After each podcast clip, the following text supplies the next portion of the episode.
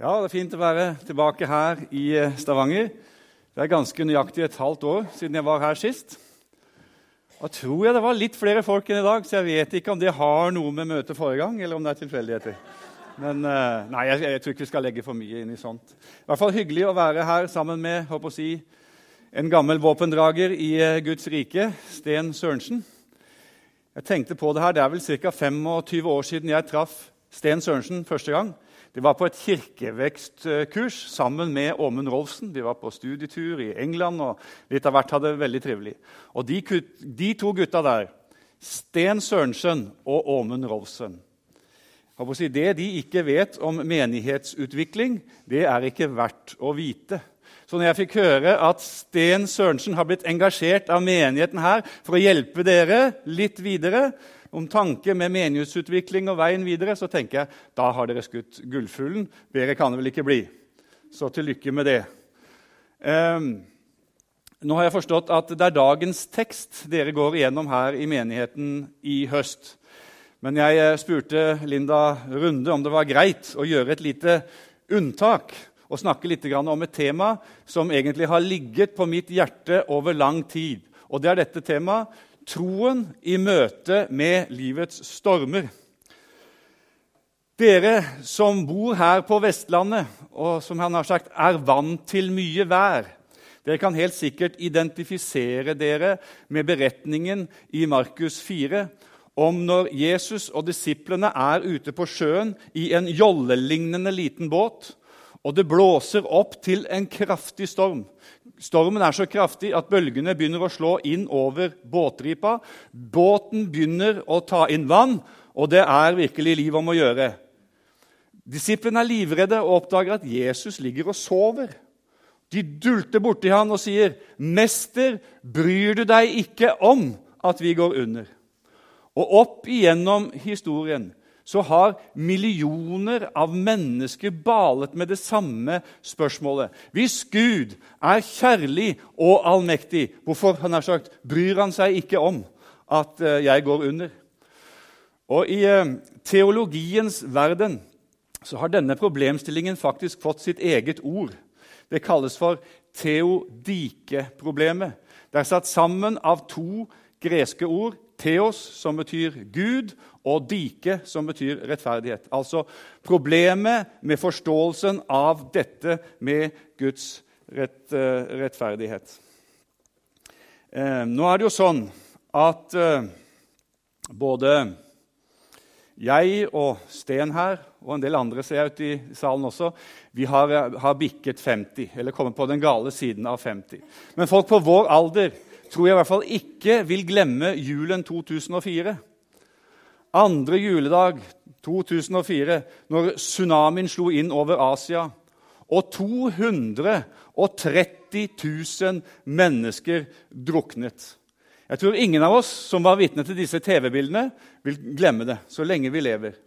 Og når sånne ting skjer, så er det jo naturlig at vi spør Hvis Gud er både kjærlig og allmektig, hvorfor stanset han da ikke bølgen? Og når Gud ikke stanser bølgen, så fristes vi til å tenke at det må skyldes en av to ting. Enten at Gud ikke vil stanse bølgen, eller at Gud ikke kan. Og Hvis vi ikke kan komme med et tredje alternativ, så fristes vi til å tenke som disiplene. Herre, bryr du deg ikke om at vi går under? Jeg synes det er ganske sterkt å tenke på historien om eh, døperen Johannes. Mannen som hadde fått en helt spesiell oppgave å forberede folket på å ta imot Jesus. Han gikk rundt og sa at 'dette er Jesus, dette er Guds sønn'. Når han kommer i, eh, inn i sitt livs største mørke, når han sitter i fengsel, når han blir torturert, og antageligvis også skjønner at han kommer til å bli drept, så kommer tvilen snikende, og han begynner å tenke Er Jesus den jeg har sagt at han er? Og så sender han sine disipler ut til Jesus for å spørre er du den som skal komme, eller skal vi vente en annen. Herre, bryr du deg ikke om at jeg går, eh, går under. Og jeg må jo innrømme at jeg selv også i livets stormer har tenkt de samme tanker. Eh, skjer dette fordi at Gud ikke kan, eller fordi at Gud ikke vil? Jeg tok en eh, opptelling og fant ut at 29 ganger i Bibelen så brukes uttrykket 'Gud den allmektige'. Så hvis vi skal tro at Bibelen er Guds ord, så kan ikke problemet være at Gud ikke kan. Ja, er det da at han ikke vil? Hvis du går til eh, Jeremia, så står det at 'jeg vet hvilke tanker jeg har med dere', sier Herren. Fredstanker og ikke ulykkestanker. Jeg vil gi dere framtid og håp. Så Bibelen er klinkende klar. Gud både vil og kan. Men det virker jo ikke alltid sånn. Eller?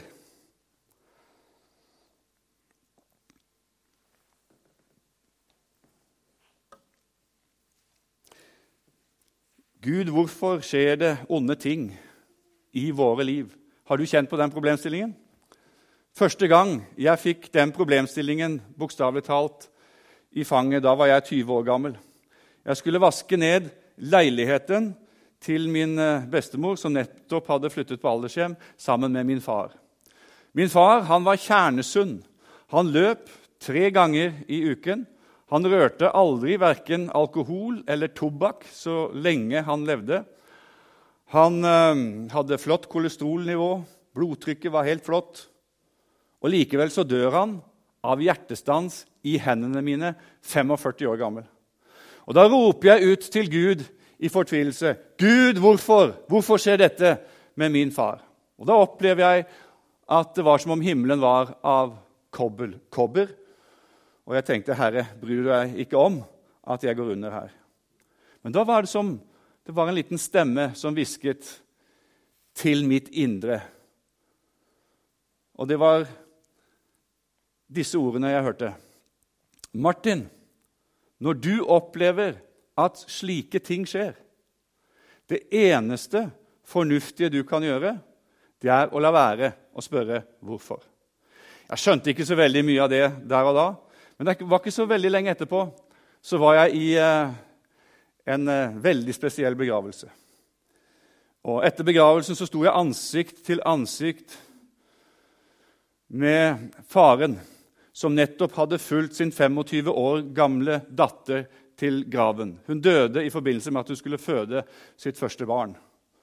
Og Han spør meg, 'Martin, hvorfor skjer dette med min datter?'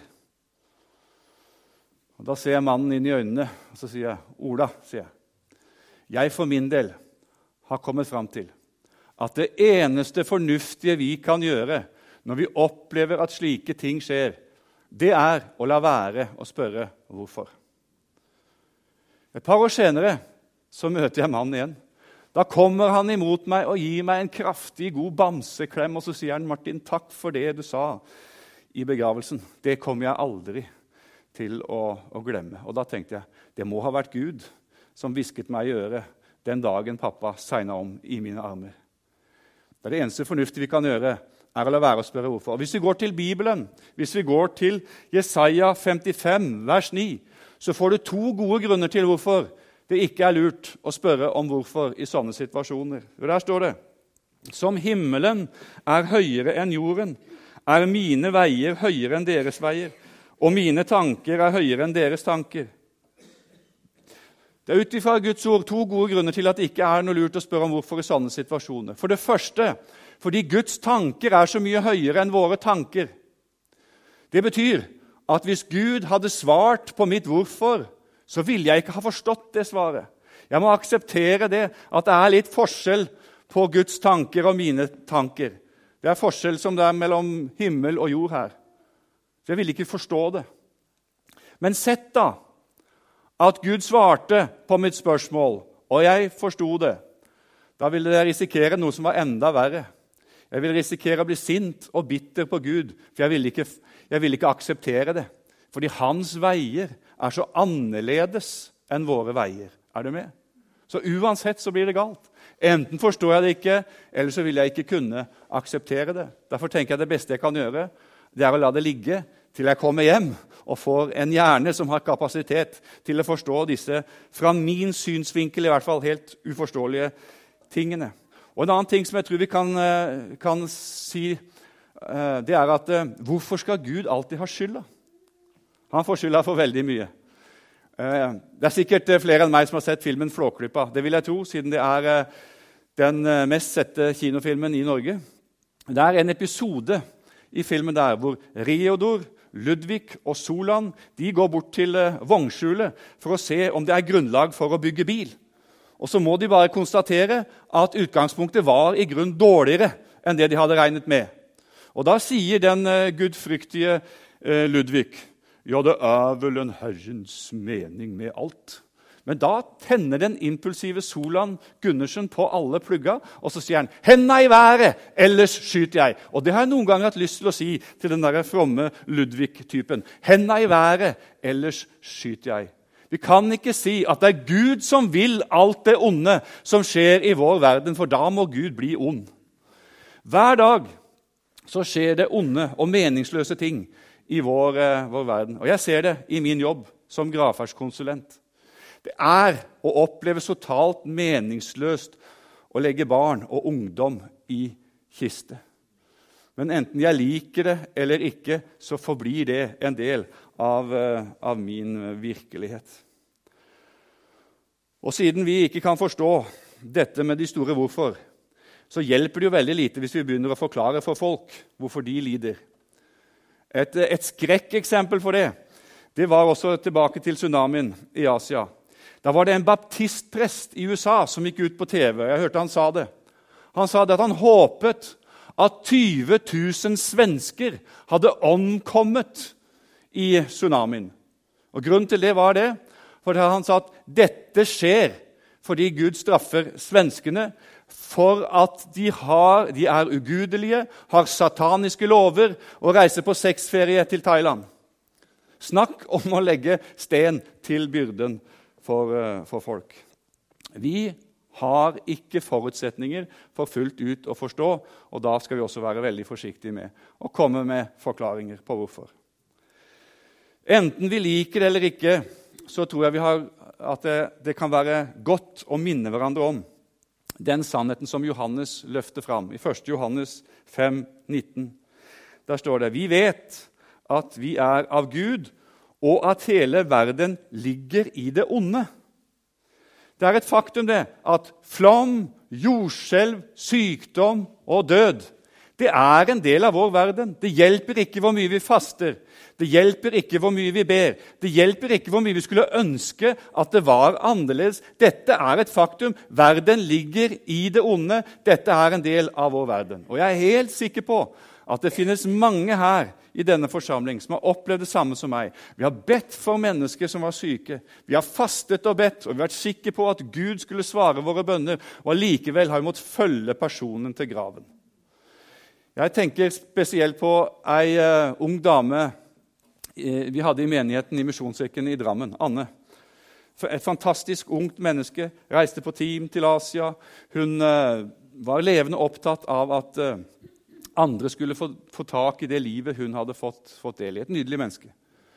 Men så en dag så oppdager hun at hun har fått eh, kreft med spredning til lungene. Og jeg tror jeg kan med hånd på hjertet si at aldri i mine 22 år som pastor har jeg opplevd maken til bønneengasjement. Vi hadde bønnevakt. Vi ba 24 timer i døgnet for Anne. Så ingen må si til meg at hun døde fordi vi ikke ba nok. Men likevel så dør hun, 37 år gammel. Og Jeg har stilt meg selv spørsmålet hvorfor svarte ikke Gud på våre bønner? Jeg skulle ønske at det var et enkelt svar på det spørsmålet. Men jeg tror noe av det viktigste vi kan gjøre, det er å akseptere at livet er ikke rettferdig. Men samtidig må vi holde fast ved dette at Gud er god. Hvis vi kan klare å ha disse to tankene i hodet samtidig, at livet ikke er rettferdig, men Gud er god, Da blir troen en styrke i møte med livets stormer, og ikke et problem. Eh, jeg leste et intervju med en dame i England som heter Sammy. Hun hadde en sønn på tre år, og hun hadde nettopp født barn nummer to. Når legen konstaterte at hun hadde en kreftsvulst på hjernen på størrelse med en appelsin. Da synes ikke livet særlig rettferdig. Og mannen hennes spurte henne en dag, 'Sammy, tviler du noen gang på Guds eksistens eller hans evne til å kunne gripe inn?' Og da svarte hun, 'Hvordan skal jeg kunne tvile på Gud? Han er jo alt jeg har.' Ser du det? Hvis vi kan holde disse to tankene i hodet samtidig, at livet er ikke rettferdig, men Gud er god, da blir troen en styrke i møte med livets uh, stormer. Og så tror jeg også Det er viktig å minne hverandre om det at Gud svarer på to måter. Han svarer midlertidig, og han svarer endelig. Og Derfor så blir det egentlig feil når jeg sier at Gud ikke svarte på våre bønner for Anne i Drammen. Problemet var bare at vi fikk ikke det midlertidige bønnesvaret vi håpet på. Et midlertidig bønnesvar det ville vært at Anne hadde blitt helbredet. Det hadde vært fantastisk det hadde vært flott, men det hadde bare vært et midlertidig svar. Om en stund så ville hun komme til å dø, om ikke av kreft, så av noe annet. Det vet vi at vi alle en dag skal dø. Nå har hun fått det endelige bønnesvaret. Hun har ikke lenger vondt. Hun eh, er i himmelens herlighet og kan ikke ha det bedre enn hun har det. Men det er jo også fantastisk de gangene Gud gir oss et midlertidig bønnesvar. Og jeg, jeg, må nesten få lov til å fortelle om et midlertidig bønnesvar som jeg opplevde fra den tiden jeg var pastor i Bydelskirken i Drammen. Der fikk jeg en dag en telefon fra en dame i menigheten som lurte på om jeg kunne bli med til sykehuset i Oslo, for hennes far lå for døden. og Hun ville at jeg skulle be for han. Av en eller annen grunn så fikk jeg det for meg at jeg skulle svinge innom kirken på veien og så ta med meg salveflaske. Men når jeg kommer til sykehuset, så føler jeg meg ganske dum, for der møter jeg en døende mann. Og Legene sier det at eh, de har koblet han fra intravenøst, og det er bare snakk om timer. Så her er det liksom ikke noe mer å håpe på. Men jeg hadde jo sagt at jeg skulle be for mannen, og jeg sto der med salveflaska. Og jeg følte meg litt som en katolsk prest som står der med den siste olje. Men jeg tenkte at ja, jeg har jo lovet dette, så jeg skal gjøre det. Eh, jeg salvet mannen, og når jeg gjorde det, og når jeg ba, så kjente jeg på at det ble en helt spesiell atmosfære i rommet. Du så hvordan øynene til mannen lyste opp, og jeg følte meg minnet om å sitere fra Jesaja.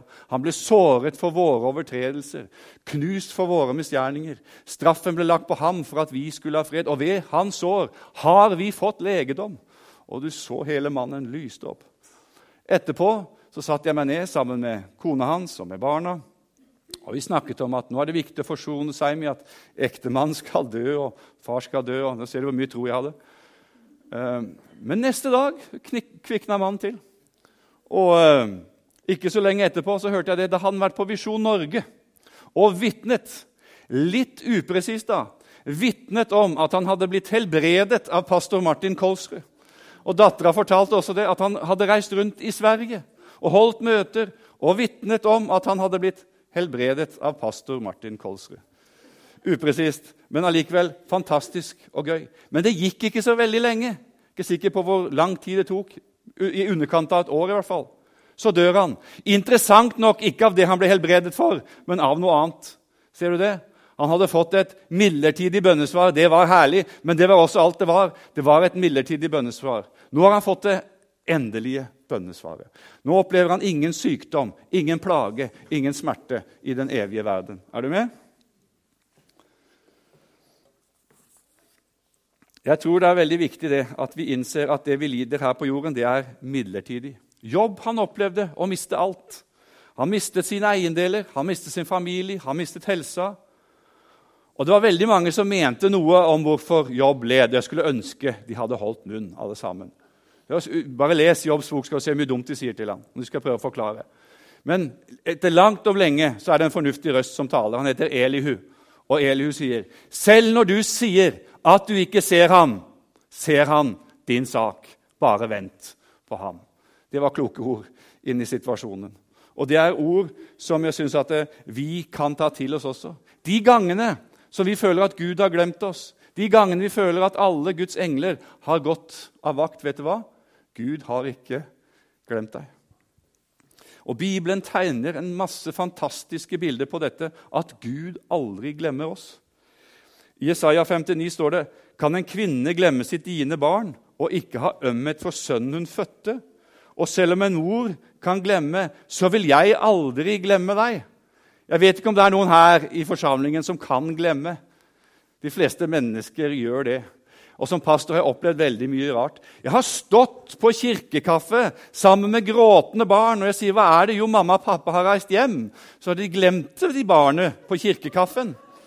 Jeg har vært med på konfirmasjonsgudstjeneste. og Jeg måtte ringe hjem til familien og spørre Glemte dere noe i kirken i dag. Nei. Ja, hva med konfirmanten? Ja, Jeg tuller ikke. Kunne fått navn på hvem det gjaldt. Det skal jeg ikke si. Um, så vi mennesker kan glemme, og jeg kan også glemme. Og jeg hadde det i hvert fall sånn før Outlook kom, at hvis det var noe jeg var veldig redd for å glemme, så skrev jeg det i hånda. For surprise, surprise, på et eller annet tidspunkt så vasker jeg hendene, og da ser jeg å ja, ja, der står det jeg ikke skulle glemme. ja. Men tenk det står om Gud at se, i begge mine hender har jeg tegnet deg. Da kan du være rimelig sikker på at han aldri glemmer deg. Er ikke det fantastisk?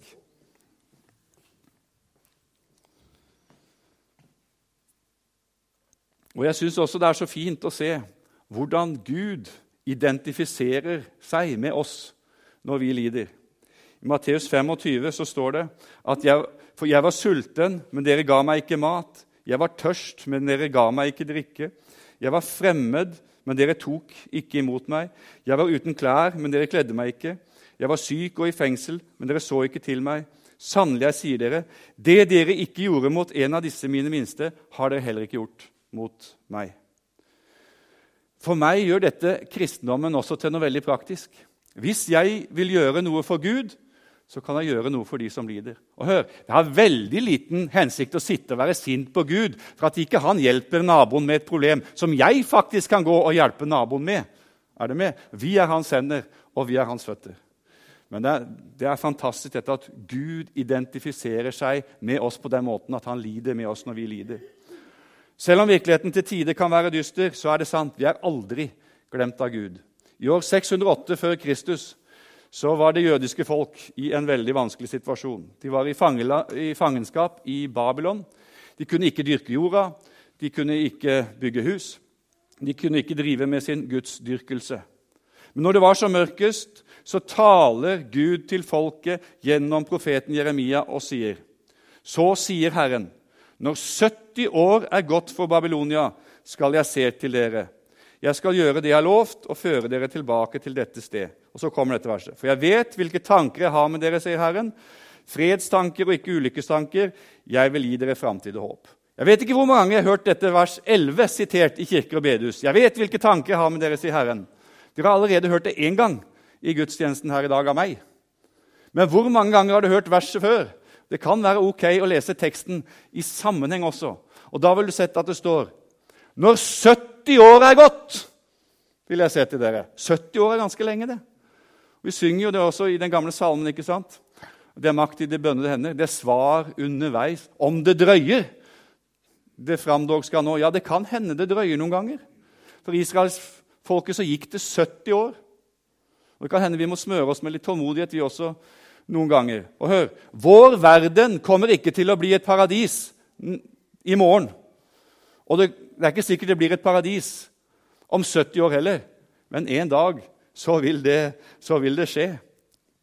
Gud har ikke abdisert ifra sin trone. Han vil gi oss framtid og håp. Apostelen Peter sier det slik.: Men vi ser fram mot det vi har lovt, en ny himmel og en ny jord, hvor rettferdighet bor. Og Derfor er det sånn at den som tror, han har alltid det beste i vente. Håper å si Det verste som kan skje oss, det er at vi dør og kommer til himmelens herlighet. Men hvis vi tar denne dimensjonen bort ifra livene våre, evighetsperspektivet, da blir livet fattig. Jeg har tenkt på det mange ganger. Tenk deg et lite barn som blir slukt av en tsunami, eksempelvis, dør kanskje tre måneder gammel. Tenk deg om det var alt! Det var det eneste dette mennesket fikk. Tre måneder, og så var det slutt. Så var det ikke mer. Eller et, eller et lite barn som vokser opp i ytterste nød og fattigdom, dør av sult, par-tre år gammel. Dessverre, vi får ikke mer enn det skjebnen tilfeldigvis måtte strø over våre liv. Du var uheldig. Du fikk tre år. Tenk om det ikke var mer. Jeg må avslutte med en historie som har i grunnen fulgt meg i mange år. Helt fra jeg hørte den. Hvis du noen gang er eh, i London, så vil jeg anbefale deg å besøke Holy Trinity Brompton. Du har vært der Sten. Det er et bra sted å være. Eh, Holy Trinity Brompton det er den menigheten som har gitt oss alfakurset, og også det kurset som er ekteskapskurset som heter 'Syv kvelder om å være to'. En fantastisk menighet. Det ligger ikke langt fra Harrods, så det skulle ikke være så vanskelig å finne heller. Men i en gudstjeneste der så er biskopen i London på besøk. Og han inviterer fram en ung gutt. Og så intervjuer han gutten på scenen. Og så spør han gutten, 'Hvor gammel er du?' 17 år, sier gutten.